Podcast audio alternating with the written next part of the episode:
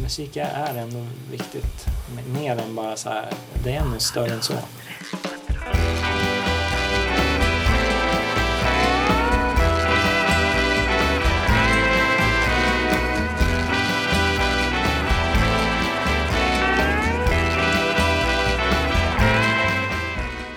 Då kan det kännas lite tråkigt, eller väldigt tråkigt, att musiker knappt kan leva på det de gör. Jo, liksom. vet. Det är det, det. det är det hemskaste faktiskt. Eh, När det är en så viktig grej. Det är som att läkare inte skulle få lön.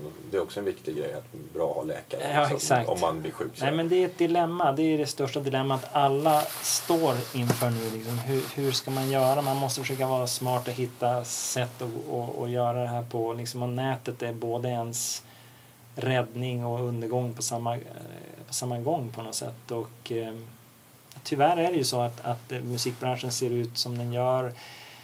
CD-branschen, alltså CD-mediet, nedladdning och, och allt det här. Det är ju otroligt komplicerat. Jag vet att när vi spelar i Tokyo eller på någon obskyr klubb någonstans ute på franska landsbygden så vet jag att anledningen till att det kommer en, en, en ganska bra bunt med folk är för att de hört oss på internet. Liksom. Mm. Hade inte internet funnits hade det inte varit lika mycket folk. Men anledningen till att vi säljer X skivor istället för X skivor, är, alltså mera, är för att folk tar det bara på nätet. Liksom. Mm. Och, eh, nej, men det är ett dilemma. Jag, jag, jag inser ju att jag vet ju det. Hade jag varit skådespelare till exempel och så hade jag fått göra filmer med motsvarande skådespelare som jag har fått göra gig i min musikvärld. Liksom. Mm. Att få åka och spela med Devin Townsend och King Crimson killarna det är ju som att göra en film med Robert De Niro och Dustin Hoffman. Det är, alltså för mig är det samma sak. Mm. Det är på samma nivå, det är ingen skillnad. Liksom. Sen kan det finnas andra musik, musikstilar där man, för att det ska bli motsvarande de skådespelarna så handlar det om helt andra artister. Då kanske det är Madonna och, eller till, till och med Justin Bieber, liksom, beroende på vad man har för smak. Men mina, mina Dustin Hoffman och Brad Pitt, det är faktiskt så att jag har, har spelat med ett antal sådana Mm. i min musikvärld. Och skillnaden är bara liksom att ja, det, det, det är ingen garanti för att det innebär någon slags ekonomi i det. Liksom. Jag tror ändå att när, när Omer Rapace gör en film med Brad Pitt så tror jag nog att de får ganska bra betalt. Samtidigt som, och då tror jag vi pratar om Stellan Skarsgård och hans lön när han åker över och gör filmer och Margareta Kroks lön på Dramaten. Där har vi också en skillnad trots att det är samma yrke på något sätt. Jag tror inte att deras löner är så feta kanske på Dramaten då. Nej. Även fast de gör samma sak. Då handlar det om att göra teater, göra film och då, då är det också en tariffskillnad liksom. Mm. Vi pratade om det i förra programmet. eh, DJs, de åker runt och så får de jättemycket pengar. Ja. Han sa det att det är som om Eldkvarn skulle åka runt och spela sina skivor. Eh, Men de tjänar ju pengar på något sätt. Ja. De har ju gjort... De kommer ju fram med någonting nytt och sådär. Det har blivit så lättillgängligt så att folk behöver inte betala för det. Man får ändå liksom. Men det man ska ha klart för sig det, det är väl att om, om, om det fortsätter så här så tror jag att ehm, att det, det finns en hotbild också, eller alltså det finns en fara och det är att, att eh, om folk inte, om för många hamnar i en situation där, där de inte har helt enkelt råd att ta fram ny musik då kommer det ju slå tillbaka på så sätt att då, ja, då kanske inte, det kommer inte samma utbud heller liksom.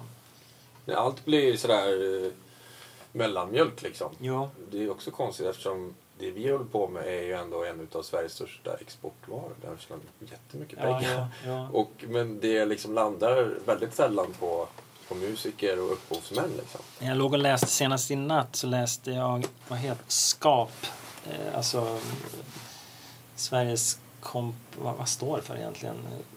Komponister eh, av populärmusik, Skap, alltså det är en sån här eh, jättebra organisation. Och Då, det, det, jag läste om det här i natt och folks eh, förmåga att kunna fortsätta med det här och eh, nätet och streaming och, och det är också en sån här grej som som, som jag var inne på nyss, det här med nätet. För att det är ju, allting är tillgängligt där och, och ingen behöver betala. Samtidigt är det väldigt enkelt. Jag har i januari månad, slutet av januari så registrerade jag mig på en sida som heter Bandcamp. Det är som iTunes fast du har din egen egen sida liksom. Och du bara, det är bara att ladda upp liksom. Och eh, du bestämmer själv priset. Eh, du kan eh, alltifrån ladda ner gratis eller, eller liksom. Och, men oavsett vad du skriver, om du skriver 7 dollar för en skiva så står det vid sidan om så står det or more. Står det. Det här är ingenting du väljer själv utan sidan är gjord så liksom.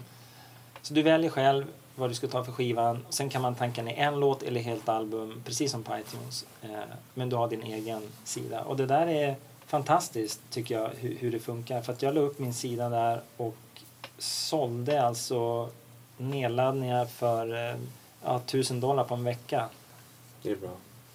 Och det är och Bandcamp tar väl någon slags procent och sådär men det är väldigt enkelt. Det är, man behöver inte hålla på och joxa med omslag. Man har bara högupplösta WAV-filer Mm. och så ska du ha en bild. Då kan, du kan ju fota liksom vad du vill, alltså bara, bara så, att det, så, så att det finns någonting. Liksom. Mm.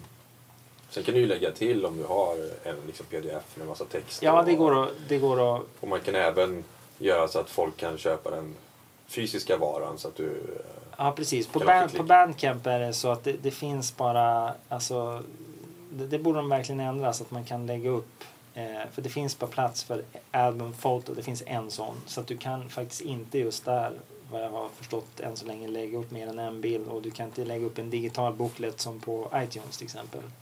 Jag tror att vi har gjort det. Men eh, det På kanske- Bandcamp? Ja. Eh, Nu är det inte jag som sköter utan det är någon annan. Ja, men det ska jag kolla. Men jag, för Ja. att det finns en, den här skivan jag, som jag la upp som, Mm. som jag fick sålt så bra på. Den, Mm. den eh, det finns en digital booklet men den kunde jag inte lägga upp liksom. För det är ju bra. För på en sån tjänst, då kan vi lägga till något extra spår eller någonting. Ja Alltså, men precis. Att man kan bjucka sina Precis. Och det, har det har jag gjort också. Jag har lagt upp andra grejer nu efter den här spelningen. Alltså uppladdningen så fick jag ju blodad tand och la upp massa annat också. Liksom. Du vet så här en livespelning som är med bra ljud eller du vet så här. Och det var ju roligt att se hur folk betalar då. För att jag tror att solskivan har jag lagt ut för 9 dollar. Eh, och då är det, ja, en hel del betalar 9 dollar men de flesta betalar 10 och 12 av någon anledning. Så de vill bara som en gest lägga till lite extra. Och av en ren slump när jag kollade mitt, för det här sköts via Paypal. Mm. Av en ren slump så såg jag att, vad fan, här är någon, Erik någonting står, Erik 100 dollar, det här måste ju vara, liksom, nu har det blivit något fel. Så att jag går in och kollar, dubbelkollar och det står verkligen 100 dollar och sen står det avsändar e-mailadressen via Paypal också. Så att jag klickar på den och känner bara att det, det här känns inget bra. Om det kan, tänk om man har slagit in en nolla för mycket, jag ska skriva 10 liksom. Så jag känner ändå att nej, men jag, jag kollar det här. Eh, och då skriver jag bara hej, tack för din nedladdning. Eh, ville bara kolla. Was this on purpose or a mistake? Du vet. Ja, så tar det tre timmar och så kommer det tillbaka. Ha ha ha, on purpose. Eh, there is no way I can put a price on your music, skriver han. Och jag blir så här, jag bara igen känner bara helt overkligt. Så att jag känner det, det, eh, han måste få någon bonus för det här. Så att jag letar fram grejer som jag vet att han inte har. Som jag också är ganska säker på att han skulle gilla. Jag kommer inte ens ihåg vad det, vad det var för någonting. Men det var grejer som, som inte är utgivna. Liksom. Så jag gjorde en ganska tjock zip-fil innehållandes ja, 20 filer eller WAV-filer eller vad det var. Och så skickade jag till honom och sagt ja, tack som tusan här, här har du lite extra för, för som, som en gest bara ville, du vet så här. Och då kommer det tillbaka, ja oh, that's amazing, du vet så här och jätteglad och liksom. Så det är fantastiskt. Att man kan bygga en relation med sina fans Ja visst, för så är också Bandcamp att man, man får ju upp liksom en sån här um, Excel-fil där man ser eh, vilka som har beställt och sån här. Så det blir en ganska bra... Så kan man skriva till artisterna också. Tack så mycket för en bra Ja, de kan skriva, Ja. de kan skriva, jag kan skriva till dem och, och Facebook funkar ju också så och, och där är det också en... Det är lite svårt det där bara, du vet jag senast igår så, för att jag gjorde en liten videofilm här till de här mikrofontillverkarna Mm. och det finns en, jag hittade en, jag kommer på att jag har en snutt i datorn som är inte, som inte är med på den här. För, alltså mikrofondemon som jag gjorde, den, den har på mindre än en vecka över, över 20 000 tittar. Bara på min Facebook-sida. Det, alltså, och det, då, då, det känns ju också väldigt lovande och fantastiskt att folk då bryr sig och engagerar sig. Det, det är plussidan. Och, och den, den, den mindre tydliga sidan av det hela är liksom okej, okay, men hur, hur många av de här... Vad, vad leder det här till liksom? För att hålla på och leta tumme upp likes och sånt här är ju på ett sätt meningslöst om det inte leder till att folk vill köpa skivor liksom. Det är ju så om man ska vara krass. Mm. Kan inte lägga med någon länk så här, köp min skiva. Jo, alltså, men all, alla, alla vet nog liksom, jag gör det nog ganska tydligt för hur, hur man gör om man vill ha tag på skivan. Så här. Men, mm. men du vet, det, det, det, är svårt att, man, man skulle behöva någon eh, du vet, man lägger upp ett videoklipp och man har över 20 000 besök där.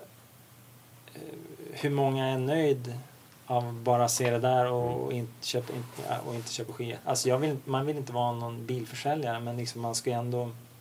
Jag kan inte försörja mig bara på att ladda upp clips på Youtube som folk tycker jävla fan vad bla bla så här liksom. Ja.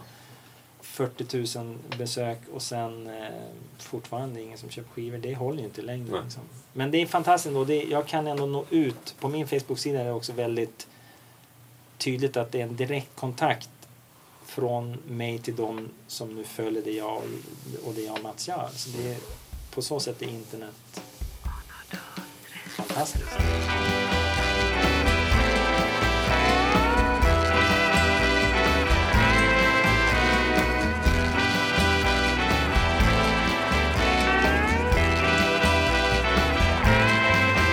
Rolling, rolling, rolling. Ja, första gången jag såg dig det var du hade en trumskola på SVT. Just det. Hur kom det sig att du gjorde det? Ja, det har jag också undrat flera gånger hur, hur det kunde bli så där. För jag blev uppringd i alla fall av Andreas Ibom, han som sitter bredvid mig på... Just det, som ja. är... Ja. Och eh, jag bara berättade att jag ringer från Utbildningsradion och hade funderat på om vi skulle ha en trumkurs liksom. Och eh, på den tiden, min relation till Utbildningsradion då var ju att det var jag kände mig glad att han ringde men ytterst tveksam ändå för att man hade sett de här men, Lär dig sy, Lär dig tälja och, eh, och även något sådana här kör, körprogram. där, eh, Joscha Fitte Petterlov, Jerry K. Och det, så här.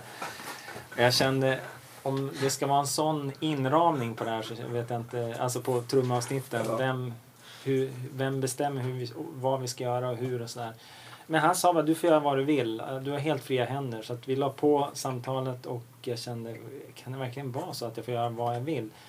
Och då kändes det ändå som att, ja men då blir det ju en annan grej liksom så här. Och så pratade vi mer och jag berättade att jag har själv lärt mig spela genom att lyssna på an andra. Så att om jag kan bara få spela musik så mycket som möjligt och på så sätt förmedla det här liksom. Eh, så ty då, då, tycker jag att det skulle vara kul. Och då sa man att det var okej. Okay. Så att jag gjorde ihop en önskelista på eh, gäster och, och sånt där. Så att vi spelade musik i varje program och så hade vi en kort trumövning mer som en bisatsinnehåll sådär liksom. Huvudinnehållet var ju musiken. Den här låten, det är ett stycke musik som alltid inledde programmet. Det var ju det som var det som var viktigast för mig. Övningsgrej och sen skivtips. Mm. Så det var ju också rätt overkligt första dagen där så jag hade med vinyler, enklare att se liksom. Mm. Så de så att jag, du vet, de har ju såna här väggar med 30 tv-apparater. Att, att då promenera omkring på SVT och, och, och, se väggarna fyllas med skivomslag med Captain Beefheart och Magma och King Crimson. Så helt, det kommer bara hända en gång på 10 000 år liksom. Ja. Eh, så det var ju en, en, helt klart en overklighetskänsla där. Men som sagt, sen, sen så, de sa okej okay till oss att spela och eh, jag, jag, tycker att det, det, man saknar då i utbudet radio och tv är ju kanske den här mus, musiken framför allt. Och jag tänkte att, som sagt, eh, det, det är ungefär som att men är man gitarrist och så fick man gå och se Jimi Hendrix spela på Grönan så är ju det upplevelsen formar ju en mera tycker jag än en gitarrlektion när man pratar om tryckning i tredje band och hit och dit liksom. Mm. Man, man vill åt den här upplevelsegrejen liksom. Mm. För så, när jag såg Buddy Rich spela på tv, jag, jag, var tio år då när jag hörde honom första gången tror jag. Och eh, det var ingen som talade om för mig hur han gjorde men det kom ju som en så här tsunami ut genom rutan liksom. Mm. Och, och den eh, betydelsen det hade, det, det klår ju allting tycker jag. Mm. Så jag, jag försökte motivera min, min idé om att ha musik på det sättet. De köpte det. Och, och det, det förvånade mig att, att eh, vi spelade in tio avsnitt och inte vid ett enda tillfälle så, så sa producenten ja nu vart det nog eh, kanske lite väl liksom så här någonting att, att eh, ni, ni måste ändå undervisa trummor här liksom. Inte ett ord vart det, du vet här. Och rekordet var väl när vi spelade en låt som heter Advokaten. Då, då var det Spoonman som var där och var med och, sp och spelade på skedar. Jag hade en, en kompis som spelade så här termin som han styr så här. Och Mats hade just i det avsnittet också liksom en, sina skyddskåpor och solglasögon och det såg ut som jag vet inte vad. Alltså min hustru sa ju det helt obetalda kommentaren när vi såg det här i tv för att vi spelade in det här precis när jag träffade henne. Och så satt vi och såg just det här avsnittet tillsammans och när när låten var klar, Mats stod och snurrade runt, runt bakom syntarna med hörselkåporna och, och Spoonman stod och slängde skedar och höll på och det var bara total liksom så här.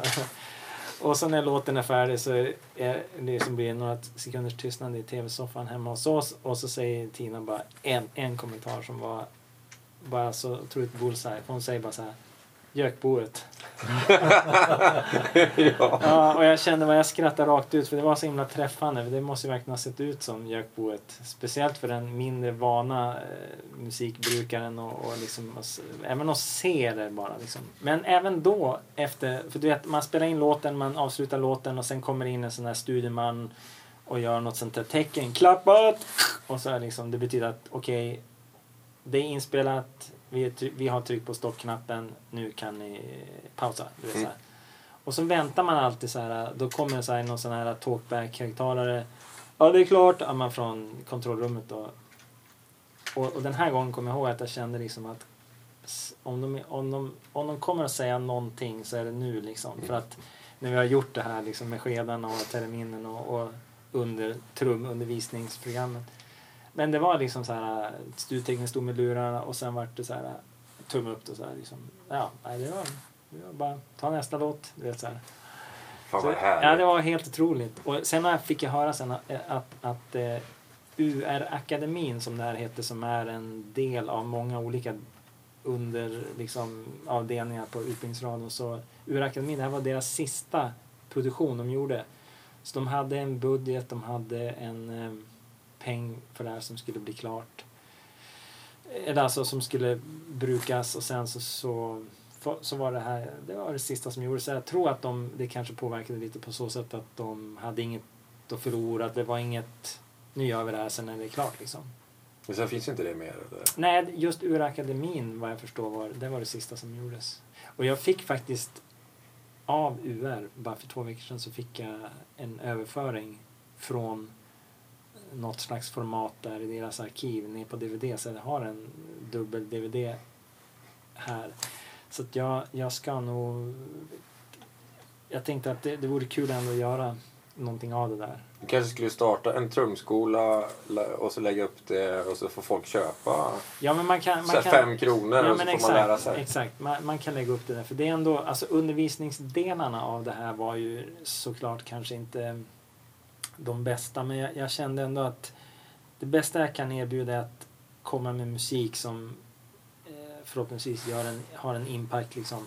Sen undervisningsdelen, jag hade liksom fem minuter på mig. Jag vet att det gick lite väl fort och och kanske lite otydligt. Och, och jag kände mig ganska obekväm överhuvudtaget att sitta bakom kameran och prata om det här. Så jag vet att de delarna, om jag tittar på någonting själv på Youtube när det är den här undervisningsdelen när vi håller på att prata så här, jag och Andreas, då känner jag att jag rodnar och hoppar till nästa liksom. Ja, jo. Ja. Men det är lite kultigt också på något sätt. Jag kan bjuda på det på ett sätt. För att det under de förutsättningar som var omständigheterna så här kändes som en ändå Det känns som att det programmet skulle aldrig kunna göras 2015. Nej, jag tror inte det faktiskt.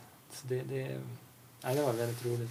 Så ett, eh, stor eloge till er och de som sa ja till det. Ja, jag tycker faktiskt Ja. det. Andreas Ibro- Ibom och Christer Strömholm, eller vad producenten. Och Det var några andra där också. Men som sagt, UR var ju...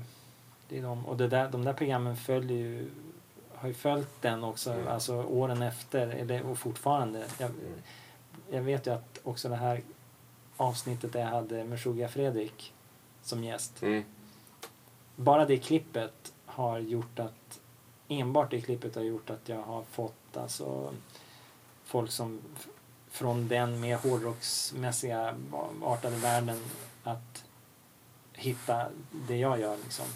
Och sen på ett sätt win-win för båda för att mina de, de som följde jag och Mats gör fick också upp ögonen, ögonen för det Fredrik representerar som är liksom annorlunda, ja du vet. Så att det är så när vi spelar, det dyker ofta upp någon ett par långhåriga killar med svarta hårdrockströjor som kanske fann mig och Mats via det där liksom. Och eh, vissa uppladdningar på Youtube var ju eh, över miljoner tittare liksom. Det, det, en uppladdning vet jag och det är tio år sedan nu. Då, den var över alltså 1,2 miljoner tittare och det, den är bortplockad nu av någon anledning. Men det var, det var några uppladdningar där som verkligen folk eh, tittade mycket på. Ja, det är för att det, det finns ingen annanstans och det är liksom, ni bara, men det här är musik. För ni pratar inte bara om hur man lär sig. Men, Nej, vi bara lirar ja, liksom. ja. Och det, det är väl det folk saknar. Och det är ingen tävling och det är inte så här liksom Nej. nästa vecka åker Mats ut. Utan, eh, Nej, just det. utan ni bara, vi älskar det här och så här gör man. Sen, sen blev det en väldigt, tycker jag, en bra version av den här låten Chicken också. Eh, jag vet inte om du har hört den, men alltså vi har Jonas Knutsson är med och spelar sax och eh, det är en sån här Motown groovy låt som har, många har tyckt om som blev fantastisk. Alltså sax och, och klavinett solen där som Mats och Jonas gör är verkligen brutalt bra alltså. Ja, det måste vi lägga upp så på Ja, sidan. och ja. hitta det klippet.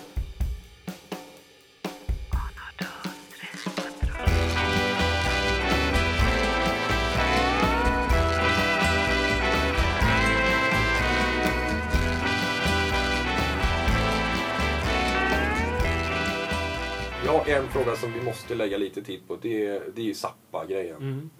Men hur fick ni det gigget? Det är lite intressant att höra. Ja, men vi, vi hade ju ett band i Umeå på mitten av 80-talet som hette Substitute med Z-stavning som bara körde Zappas låtar och Mats är uppväxt med Zappas musik och började lyssna på honom när han var sju år. Så att han är ju som ett uppslagsverk på den musiken och, och jag var också, också väldigt in, eh, influerad av, av hans musik. Så att vi startade ett band i Umeå som bara spelade, som en kul grej, vi spelade bara hans musik liksom. Och när Zappa kom till Johanneshov första maj 88, då, då var det första gången vi hade möjlighet att se honom. Så att vi åkte dit, eh, vi köpte biljetter och sen så tänkte vi att det vore, tänk om man fick träffa honom liksom. Så att eh, Mats morbror som var Bernt Egeblad, eh, han kände folk i branschen och såg till att ta reda på vem som var Zappas turnéledare. Sen ringde han honom och sa att jag har min systerson och hans kompis som är stora Frank Zappa-fans och eh, som spelar hans musik och Mats är blind sen födseln och kan alla Zappas låtar och har lyssnat sedan han var sju år. All den här informationen nådde Zappa. Och när, när han fick höra om det så sa han bara I want to meet them. Så vi fick inte reda på det här förrän han hade soundcheck på dagen och vi tre, alltså, på något sätt lyckades bryta oss in på soundchecken. Så vi tog, för turnéledaren hade sagt att ta er in eh, på soundchecken och sitta och vänta på mig så ska jag kolla om det går att styra upp något. Så vi lyckades ta oss in på soundchecken. Hur vi lyckades med det är för övrigt en gåta men alltså vi, vi tog oss i alla fall in. Vi såg soundchecken och sen, sen kom turnéledaren ut och letade efter oss och vi såg honom och, och liksom vinkade och, och då sa han bara att eh, Zappa vill träffa er. Så då gick vi in i hans loge och eh, pratade och, eh, och han var liksom på jättegott humör och, och frågade vilken låt vi hade spelat och, av hans. Jaha, har ni spelat den? Och aha, hur kommer det sig att? Och han var ganska fascinerad och, och sådär. Och, av det faktum att det fanns ett band i I'm amazed that two young guys from a town called Umeå knows my music, sa han. Och så ett moment som jag aldrig kommer glömma var när han, han, sa, han vände sig till Mats och sa att uh, You have listened to me way too much. At least you have to know how I look like after all these years, säger han. och då sitter jag på andra sidan ett litet, litet bord. Jag sitter i någon soffa eller någonting och Mats och Zappa sitter i samma samma soffa liksom. Och Zappa säger det där efter alla år, måste få veta hur jag ser ut i alla fall. Frank Zappa tar Mats hand helt enkelt och drar upp och lägger en och, och lutar sig bakåt mot väggen så här och lägger Mats hand i pannan liksom. Och säger eh, Don't forget the famous nose, säger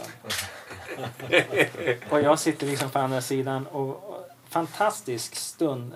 Jag ser liksom hur, hur Mats spröda fingrar går igenom hans ansikte, du vet. Mm. Det, det var bara helt overklig stund alltså. Och Zappa bara, han bara satt så här och blundade och, och, och lät Mats gå igenom ansiktet. Det var en sån fin grej bara liksom. Verkligen. Och, och på något sätt, e- efter, som Zappa själv sa, efter alla år av lyssnande liksom, så, så får det en fysisk form. Liksom. Eh, så det, det, var, det var helt overkligt. Sen började han skissa på låtlistan för kvällen, vilket var olika varje kväll. De repade in så var det rätt ofta att hans band repade måndag till fredag i två månader innan en turné och de hade drygt 100 låtar på repertoaren. Så att Zappa skrev ner 20 låtar i vilken ordning som helst efter hans eget. Och den delades ut till bandet ja, i stort sett på väg in till scenen. Liksom. Så inga jävla noter hit och dit och du vet så här, utan ikväll blir det de här 20. Så de var extremt ihoprepade. Ehm. Men när han satt i logen och skrev ihop den, den här låtlistan så sa han att, för jag gav honom ett kassettband också eh, med eh, min och Mats egen musik, förutom en låt som var en av hans låtar. Jag sa det också, här är vår musik fast en av dina låtar. Jaha, vilken då? då? Sa han. Och när jag berättade vilken det var, Tmercy Dween hette den och den var inte utgiven på skiva då, så då blev man också så här Jaha, hur kommer det sig att ni kan den då? Ja, men det är bootleg och bla bla bla. Du vet, så här. Och då började han skissa, när han satte med låtlistan. Maybe we should do something, sa han. Och så sa han att vi kommer att spela Big Swifty ikväll och i Big Swifty är det en sektion som är öppen och där brukar liksom vad som helst kunna hända. Han kanske tar upp någon, gör någon bus liksom. Och då sa han, kan inte ni komma upp och spela To Mercy i den här öppna sektionen på Big Swifty? Och när han frågade oss, när, när han hade, alltså publiken var redan inne i Johanneshov. Man hörde bullret på något sätt. Och det var kanske ja, max en timme kvar innan konserten började. Det fanns ingen tid att göra någon, något, testa någonting eller någonting. Jag hade inga pinnar. Mats hade, som är blind kanske hade velat känna på keyboarden. Det fanns ingen tid för det. Men han frågade och vi sa ju ja liksom såklart. Så att, han, han, sa, han sa liksom, eller såklart kanske jag inte ens ska säga för att det krä, man måste ju känna att man vet vad man gör. Om man går upp för 10 000 pers på Jannesson med Frank Zappa liksom, då, då vill man ju ha täck, alltså man måste känna att man klarar det liksom, så att man inte gör bort sig helt enkelt. Och det var ju ganska speciellt för att den här låten som man vill att vi skulle spela som var på den här kassetten den, den hade vi spelat en gång egentligen och det var den här inspelningen på den här kassetten. Och jag la den med där för att det var en ganska kul låt att ge till honom på kassetten. Liksom. Han sa gå ut och sätt er i publiken och sen när ni hör eh, att Big Swift är börjad har ni tio minuter på er och ta er bakom scenen. När konserten började sen så, ja, så blev ju den, alltså det blev ingen normal konsertupplevelse för oss. Så att vi satt och väntade på att Big Swift skulle komma. Ja, exakt. Och hur, och hur fan går den här låten nu egentligen? Så jag satt och skrek i Mats öra så här. Du vet, under tiden konserten går. Mats, hur är det så här? Dörr, dörr, dörr, dörr. Va? Är det dörr, dörr, dörr? Nej, det är dörr, dörr, dörr, dörr, dörr. Och så bara så här, ja, just det. Så här. Och sen går det två minuter. Men du, hur, hur slutar den där delen? Är det dörr, dörr, dörr, dörr, dörr? Nej, det är dörr, dörr, dörr. Så, här. så du vet, det var otroligt vaga minnen på låten liksom. Men sen kommer de börjar spela Big Swifty, vi lämnar våra platser, vi går mot en säkerhetsvakt som inte ens släpper in oss för han liksom säger ja visst pytsan, ni ska ju inte spela tyckte han. Jo det ska vi visst liksom. Nej men han trodde oss inte ens. Då kom det någon annan i crewet och eh, bara bekräftade att de ska faktiskt spela. Så då öppnade han grinden och så gick vi upp och satte oss. Och då hade det gått massa timmar. Jag känner plötsligt att om inte jag går på toan nu så eh, kom, kan jag inte ens stå upp. Jag, liksom, jag kände bara att sådana där behov var bortglömda. Eh, jag, vågade inte gå heller för han kan presenteras när som helst. Och jag sa till Mats att eh, jag måste gå, jag, jag, kan inte, jag kommer inte kunna spela annars. Så jag springer in på närmsta toa jag hittar och när jag öppnar, toalett, eller, öppnar dörren från toan då hör jag att han börjar presentera oss. då har jag kanske fem sekunders springtid till Mats. Och man hör på inspelningen också. Now, ladies and gentlemen, let me introduce you to han kollar på ett papper, han kommer inte ens ihåg vad det hette. Liksom. Mats och Morgan where are they? Så och så är jag så springandes på väg liksom, och hittar Mats där i mörkret. Och så where are they? Scenen. Och, och eh, proffsig som, som han var, eller liksom rutinerad som han var, så bandet har ju inte slutat spela. Så det är inte så att man sitter vet så här, vad ska hända nu? Utan det, det, de har någon sån här reggae-komp som ligger på svag volym. Och han säger hello blah, blah, blah. Och så tar Mats bort till keyboarden och keyboardisten och säger Here is uh, Yamaha Grand Piano and here is the Yamaha DX7 Good Luck, sa han. Och så bara klev han undan och ställde sig med benen kors och så här och bara ställde sig och tittade. Liksom. Och sen så jag satt Mats på plats och, och det, var, det var rätt mycket bråk i bandet så det var, kändes, det var, det var liksom ingen bra stämning. Man kände att man var, kändes inte helt, av de andra helt, man kände sig inte helt välkommen av alla de andra i bandet då som vi kände av Frank. Liksom. Men jag satt Mats på plats och bara satt visste var grejerna stod. Liksom. Det är ungefär som du vet, man bara lyfter, där är det. Alltså, så fort man släpper ner så börjar händerna åka bara. Liksom. Ja, ja. Men han måste ju först veta var grejerna står. Liksom. Så Mats sitter på plats och så springer jag runt trummorna, mot trummorna och där står det någon roddar kille och eh, räcker med ett par pinnar. Och det var väl i stort sett exakt samma pinnar som jag hade. Det var ju tur. Och eh, vi gör flygande byte och så spelar vi. Egentligen kan man säga att vi har aldrig spelat bättre än just då. För att det var sån energikick och eh, Frank Zappa själv, liksom, han själv står fem meter framför trummorna och se med världens största leende. Liksom. Och den, den, det är också en sån där grej som, som gjorde att man kände att man flög upp i universum. Liksom, för att, att, att få den där, den där blicken och det där leendet från honom när vi spelade, vilket betydde fan vad, vad, vad, vad kul, vad coolt liksom. Det gjorde att vi blev ju... Alltså vi, man kom in i någon annan dimension på något sätt och spelade så, så, så bra vi någonsin hade gjort. Och, eh, och sen försökte vi, vi snubbla till det några gånger på den här låten men vi gjorde en improvisation först som kändes som det var det som blev lite tuffa liksom. Sen slirade det till vid två partier tror jag på låten med som, alltså så här små skönhetsslirningar bara. Och sen gick vi av och gick tillbaks och satt oss och eh, det blev så här, en del känner igen oss trots allt eh, i och med att det var här också. Det blev så här enorma skrik när vi gick av liksom. Och han drog igång nästa låt, Big Swift, och togs upp igen och vi kliver av scenen och just när vi kliver av scenen då hör man publiken bara så här totalt, du vet, så här och skrik liksom. sen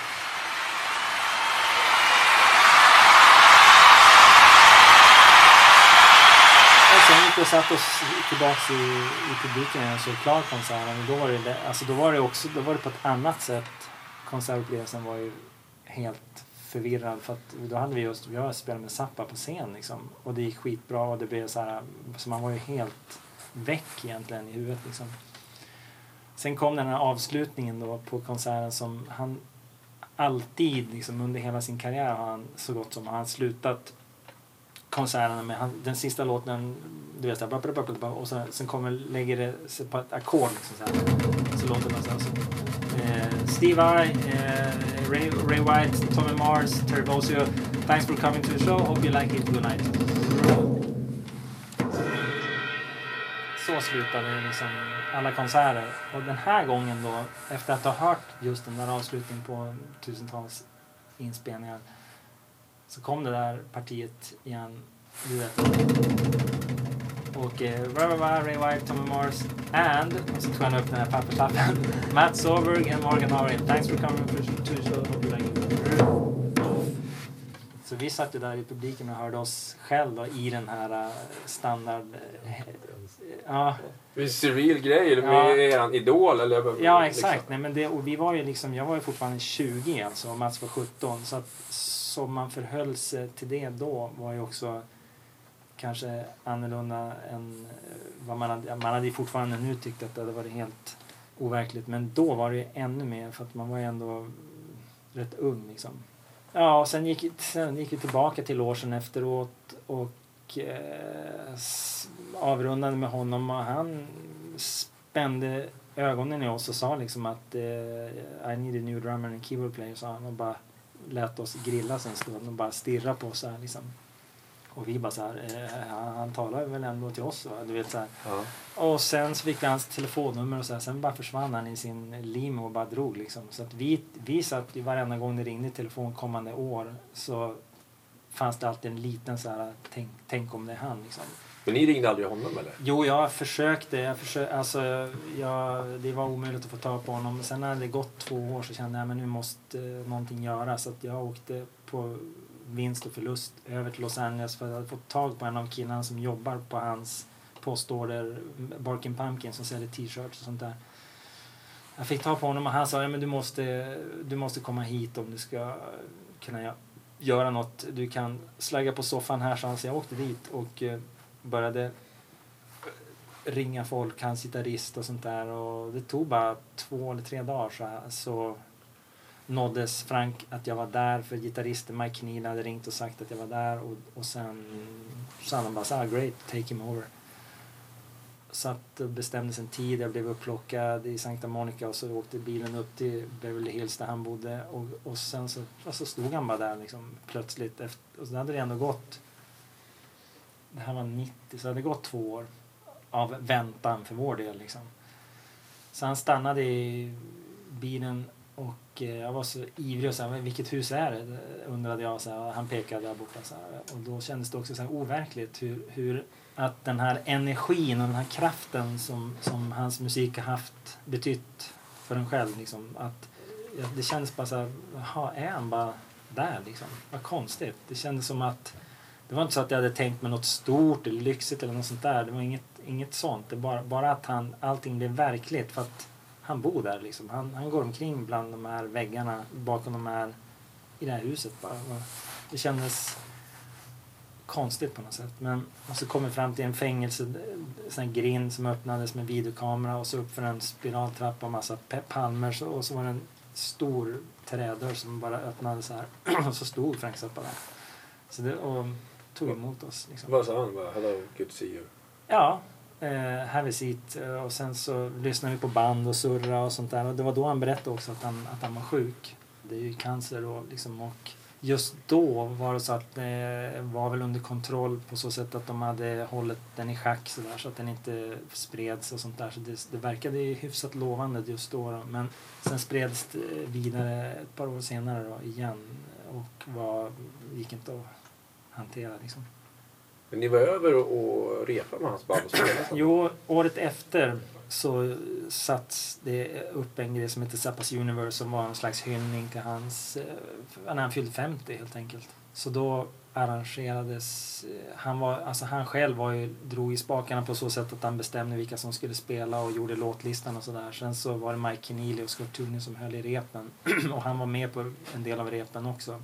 Sen var det inte riktigt uttalat huruvida han skulle vara med på sin egen hyllning som gäst eller, eller inte alls. Eller liksom, det var inte riktigt förankrat det där riktigt. Det blev lite som det blev. Men sen blev han sjuk också. Han fick en svacka där mitt i den här perioden. För vi gjorde fyra konserter i New York och vi repade i Los Angeles. Och han var med i repen på Los Angeles, till Los Angeles. Och eh, tydligen så satt han på flygplanet på väg över till New York sen och skulle komma med och gästa. Men det hade varit något tekniskt problem med planet och han var svag, eh, alltså fysiskt svag. Så att jag har fått höra att han ändå satt på planet och var på väg men sen så eh, pallade han inte att sitta och vänta. Det var så här två timmars försening på något tekniskt strul liksom. så han bara klev av planet och drog hem liksom. Så det blev ingen, ingen gästning av han själv då, då. Men, men vi gjorde ju fyra konserter där. Eh, Och hade telefonkontakt med honom och sådär på, på kvällen. Och, Var det svårt att liksom sätta låtarna? Eller liksom, Nej, vi, hade, vi hade ju fått en, en låtlista. Jag tror det var 37 låtar som var upp, uppskrivna och de hade vi gått igenom och kunde ju dem. Liksom. Men det roliga var liksom att första dagen, vi repade kanske två dagar innan Frank själv kom ner till replokalen. Han dök ju upp Mm. oannonserat en dag. Och då satt vi och drack kaffe, liksom hade en, en liten paus och så dyker han upp där, han och Dweezer.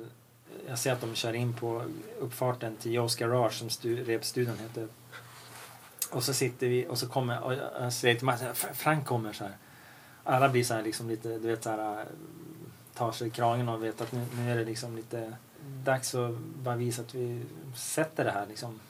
Så han kommer in och säger, och säger hej och säger ja, skojar till det lite genom att säga ja, se vad den går för nu då. Du vet så här, även du bara busar lite så här. Och vi tar oss verkligen i kragen och går in i replokalen. Och sen, sen sätter han sig i en soffa, lägger benen i kors och tänder en cigarett. Och sen börjar han nämna låttitlar. Det var bara det att ingen av de här låttitlarna som han sa, kanske de fyra eller fem, de fyra eller fem första låtarna, alltså ingen av dem stod på låtlistan.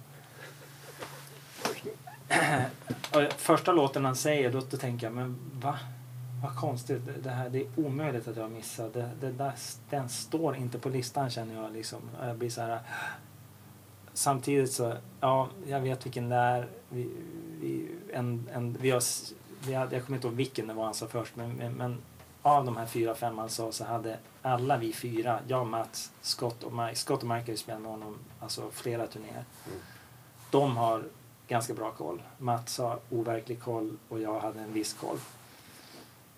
Så att han, han bara sa låt, eh, en låt och så körde vi den. Och så sa han nästa och så körde vi den också. Och vi harvade oss igenom ändå ganska, ganska bra för att vara oförberedda liksom. Och det var väl det han ville bara, han tyckte det var kul att grilla oss lite men också kul att kunna vara tillsammans med den här kvartetten och ha, ha möjlighet att bara slänga ur sig vad som helst och de bara spelar som en jukebox liksom. Det är roligt för han ja. också. Ja, Inte bara kul för oss utan även för han. Så att jag vet att efter, efter några antal låtar, fyra, fem eller vad det nu kan ha varit, så eh, återgick vi till vanliga låtlistan och spelade den. Och sen, eh, sen åkte alla hem till honom och någon slags aftergig eller rephäng hemma hos honom. Och eh, då slumpade det sig bara så att jag gick in med Mats och vi hamnade i ett rum och några andra musiker hamnade i något, ja du vet, vi bara, alla bara åkte, till varsitt håll i hans hus. Mm. Och Zappa kom, råkade komma in i det rummet där jag och Mats hade gått. Så vi stod där vi tre bara och, och då sa han att han var på så otroligt gott humör. Han sa bara well, that was one of the nicest afternoons I had in a long time, sa han. För att, ja, återigen, han, han hade bara suttit och bara slängt ur sig vad som helst liksom. Och ni har fixat det? Ja, det, det funkar ganska bra liksom ändå sådär så att jag förstår att, att det var kul för honom faktiskt. Och sen blev det piken på det här blev ju på kvällen senare för vi hade suttit och kollat lite videos och sånt här. Vilket kanske inte var så himla kul för Mats då men Mats fick ju sin stund sen på kvällen för Frank frågade, frågade Do you want to play, try the Bösendorfer Grand? Alltså en sån här jättestor konsert flygel som han hade nere i källaren. Så att, och nu var det ganska mycket folk som hade dykt upp. Det var kanske 10-15 pers Så alla går ner i studion och jag leder fram Mats till pianot. Och då fortsätter Zappa. Eh, han ville sätta på jukeboxen igen liksom. Så han säger bara så här. Nu var det liksom ingen sån här eh, få se om du kan den då. Ingen sån stämning utan nu var det bara så här eh, ren eh, njutning liksom. Hur låter det om du spelar den låten? Kul för honom att höra pianoversion av den och den och den och den låten. Så det var bara ren eh, alltså, så här, eh, njutningsmoment. Liksom. Inte alls någon så här testparameter. Så han slänger ur sig massa låtar. Det är helt knäpptyst. Alla är helt knäpptysta där nere. Man kan höra en nål falla till golvet. Liksom. Och eh, han sa bland annat Can you play Sleep Dirt? säger han. och Sleep Dirt är ett, ett stycke som är gjort för eh, två akustiska gitarrer. Den ena gitarren spelar ett komp och den andra spelar en melodi och ett solo. Och sen är det, det är ganska kort, eh, liksom en och en halv, två minuter bara.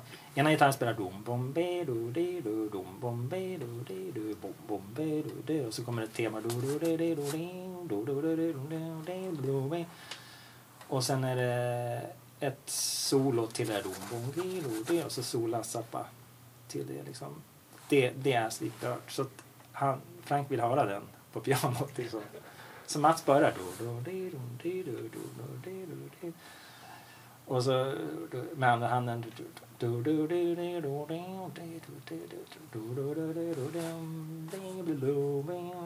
Och han kör kompet och melodin och sen så, så spelar han Zappas gitarrsolo på pianot.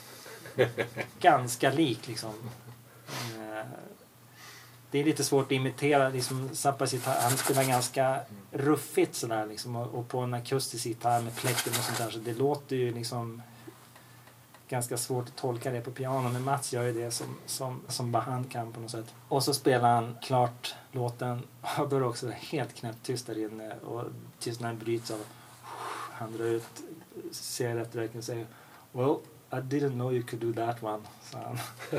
och, och Dweezer bara så här skakade på huvudet och tyckte det var helt stört hela, hela grejen att det, att det gick att göra så här liksom. Fantastiskt, vilken story. Mm.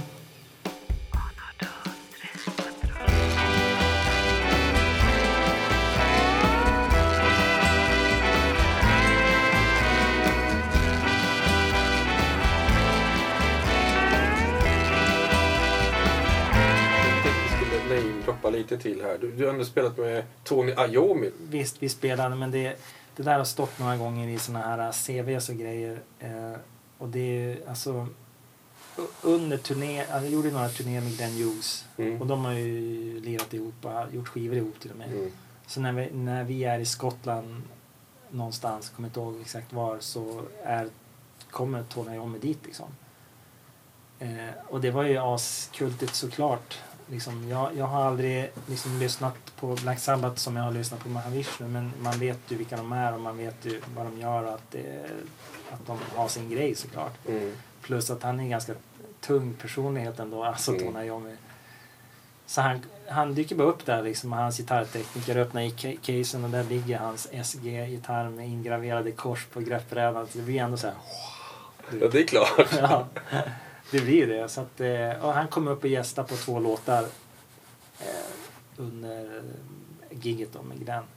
Och jag, då och då, alltså vid några tillfällen har jag försökt googla fram ett enda jävla kort eller någonting på det där liksom. Eh, det här var liksom innan smartphone. Så att det, jag har, jag, jag har sett något, något kort där man knappt själv syns men jag- man ser lite av bandet och, och Ton- Tony Iommi framför. Men jag vet inte ens om det existerar någon upptagning eller någon foto på oss eh, just under de här låtarna. Mm. Också en gång så hade du ett klipp när du hade hittat en gitarr, en gammal gitarr, som du satte framför baskaggen. Exakt, jag, jag var på Hemmesta soptipp och skulle kasta grejer och de framför mig hade en stor buss med grejer som de skulle slänga och jag såg hur en av de här personerna tar fram, plockar ur en gitarr och är precis på väg att slänga ner i där man gör flis av liksom. Men ursäkta, vad, vad, funkar den där? Så, så här, för den såg helt, helt hel ut liksom. Ja, du kan ta den så här. Så jag bara slängde in den i, i bilen och åkte hem. Och I och med att jag gillar att experimentera med ljud och så här så tänkte jag att om den nu är, kanske inte är i bästa skick så kan jag ändå göra någonting med den. Så att jag kopplade in den till min hårddiskinspelning och eh, såg till att det kom ljud. Sen började jag liksom slängde den i golvet och bara för att se vad vad kommer det för ljud liksom. Så spelade jag in det för man kan sampla av och hålla på liksom. Men hur jag ens slängde den här gitarren i golvet så gick den inte sönder. Så att jag, så, och då kom den här idén, man kanske kan trampa på den istället. Liksom. Så att jag tryckte in den mellan skinnet och bastrumklubban. Så att, eh, jag tänkte att då borde man kunna aktivera en ton. Liksom. Så jag klippte bort alla strängar utom E-strängen, tjocka strängen. Så att varje gång jag trampar ner bastrumpedalen så, så, så går liksom ljudet, alltså eh, ljudet, bastrumman startas upp för att kroppen på gitarren ligger mot skinnet. Så man hör lite bastrumma. Framförallt hör man ju då strängen som skakar igång liksom. Och jag tänkte att det här borde kunna bli som en kul grej. Så då spelade jag in det i, i datorn och sen så fick jag filtrera ganska mycket. Jag fick eh, komprimera baskagge-mikrofonen och balansera det till den linade gitarrsignalen. Och så satte jag dist på det och så mixade jag ihop det lite snabbt. Och, och det låter ju jäkligt fränt liksom. Um, och eh, det blev en otrolig respons på det här klippet liksom. Jag, jag fick alltså till och med Tommy Lee, alltså från Motley Crue, mejlade och skrev That fucking bassdrum guitar rules. Och så här, liksom. ja, otroligt kul.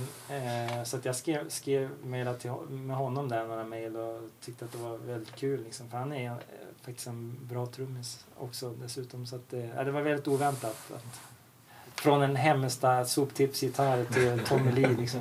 Det är ju roligt. Det klippet måste vi hitta och slänga. Absolut. Eh, och nu har jag dessutom samlat på mig lite mer gitarrer. De ligger fortfarande på vinden men själva konceptet som sådant ska faktiskt på fullt allvar utvecklas. Så man kan göra någonting mer med och göra alltså, riktiga inspelningar. För det är en ganska kul grej att man kan liksom trigga igång strängar och så liksom. Mm. Sen har jag den där roboten där också, nej, men de där tre pinnarna. Alltså styrs mer via, via midi. Så att eh, de där pinnarna är de tre första tangenterna på ett klaviatur. Så att jag kan programmera och då slår de där pinnarna på grejer som man ställer under. Liksom. Så man kan göra rätt fräna sådana här eh, typ drum and bass, techno liknande rytmer och fast få det spelat på burkar eller koppar och, och liksom göra eller hajat till och med men kanske även strängar om man lägger en gitarr där Just kan, ja, jag ska, det är en kille i Australien som har byggt, byggt den där till mig. Och han har skickat den hit Ja. och tyckte att den behöver du. Ja, den, jag har bytt, jag, vi har bytt tjänst. Jag har spelat in eh, ski, trummor till den och hans skiva så vi bytte. Jag fick betala materialkostnaden och sen bytte vi arbetstid med varandra. Liksom. Mm. Den är ju asläcker. Använder du den på, din, eh, på skivorna? nu? Nej, faktiskt inte än så länge. Jag har, bara, jag har inte hunnit. Jag, det är snart tre år sedan, jag- två år sedan jag fick den. Men jag har, jag har bara testat den en gång och eh, sett att den funkar och det gör den. Så att, eh, men den där börjar nog bli dags för den där faktiskt. Vad händer just nu? Ja, vi ska spela lite grann i april. Då är det lite spelningar i Sverige. Och eh, jag träffade en kille som kallar sig för Square Pusher här eh, förra året. Och han har planer på att sätta upp en grej. Utan, han gör mycket på datorer. Liksom. Men Han ska vill sätta upp ett band utan datorer. Och vi har setts och spelat och det var, det var jättekul. Och jag hoppas att han tar sig tid och gör någonting av det så att, så att det blir, blir liksom. Så det, det hoppas jag att det blir av. Och sen eh, i Umeå så är det en symfoniorkester där, alltså Norrlandsoperan. Producenten där uppe har eh, vill att vi gör ett eh, Mats Morgan-projekt med full orkester. Och de kommer, rutinerna är så att man söker statligt bidrag för att kunna göra sådana här projekt. Så är det alltid. Och nu ska de söka pengar. Och får de bidrag så då är, blir det att vika några månader till att sätta sig och försöka arrangera upp musik och skriva musik för den sättningen. Liksom. Kommer ni ha gäster då? Eller? Jag vet inte. Jag, I huvudsak blir det nog Mats Morgan Band, alltså kvartetten som vi har nu, fast med full symfoniorkester. Och då vore det kul att inte bara göra, du vet, ett sånt här pärlband av låtar som vi alltid har spelat med lite stråkgnissel och du vet så här, utan att man verkligen utnyttjar orkestern och skriver lite ny musik som är anpassad för den sättningen. Det skulle jag hellre vilja göra. Ska roboten där då? Det har jag faktiskt sagt. Jag har pratat med producenten att, att jag kan lätt höra i mitt sinne hur man skulle kunna aktivera den här roboten längst fram på scenen och ha liksom en orkester som ligger bakom och det kan bli en fantastisk kombination. Jag vet att det finns ju en orkester som har gjort arrangemang för eh, Aphex Twin och hans eh, musik som är bitvis väldigt bra. Som, och då är det mycket så här programmerade, alltså den stämningen fast med orkester liksom. Så det, det är väl en grej som jag hoppas ska bli av för det är en sån här kul grej att ha gjort med, med riktig orkester. Liksom. Ska ni köra Bobby Brown, Hell Ja, och. Master Blaster då? Ja, vi får väl göra det. Med de snuskiga orden i. Eh, Exakt, nu nu jävlar ska de fram. Tack så mycket för att vi får komma hit och Ja. prata med dig. Tack för att ni kom.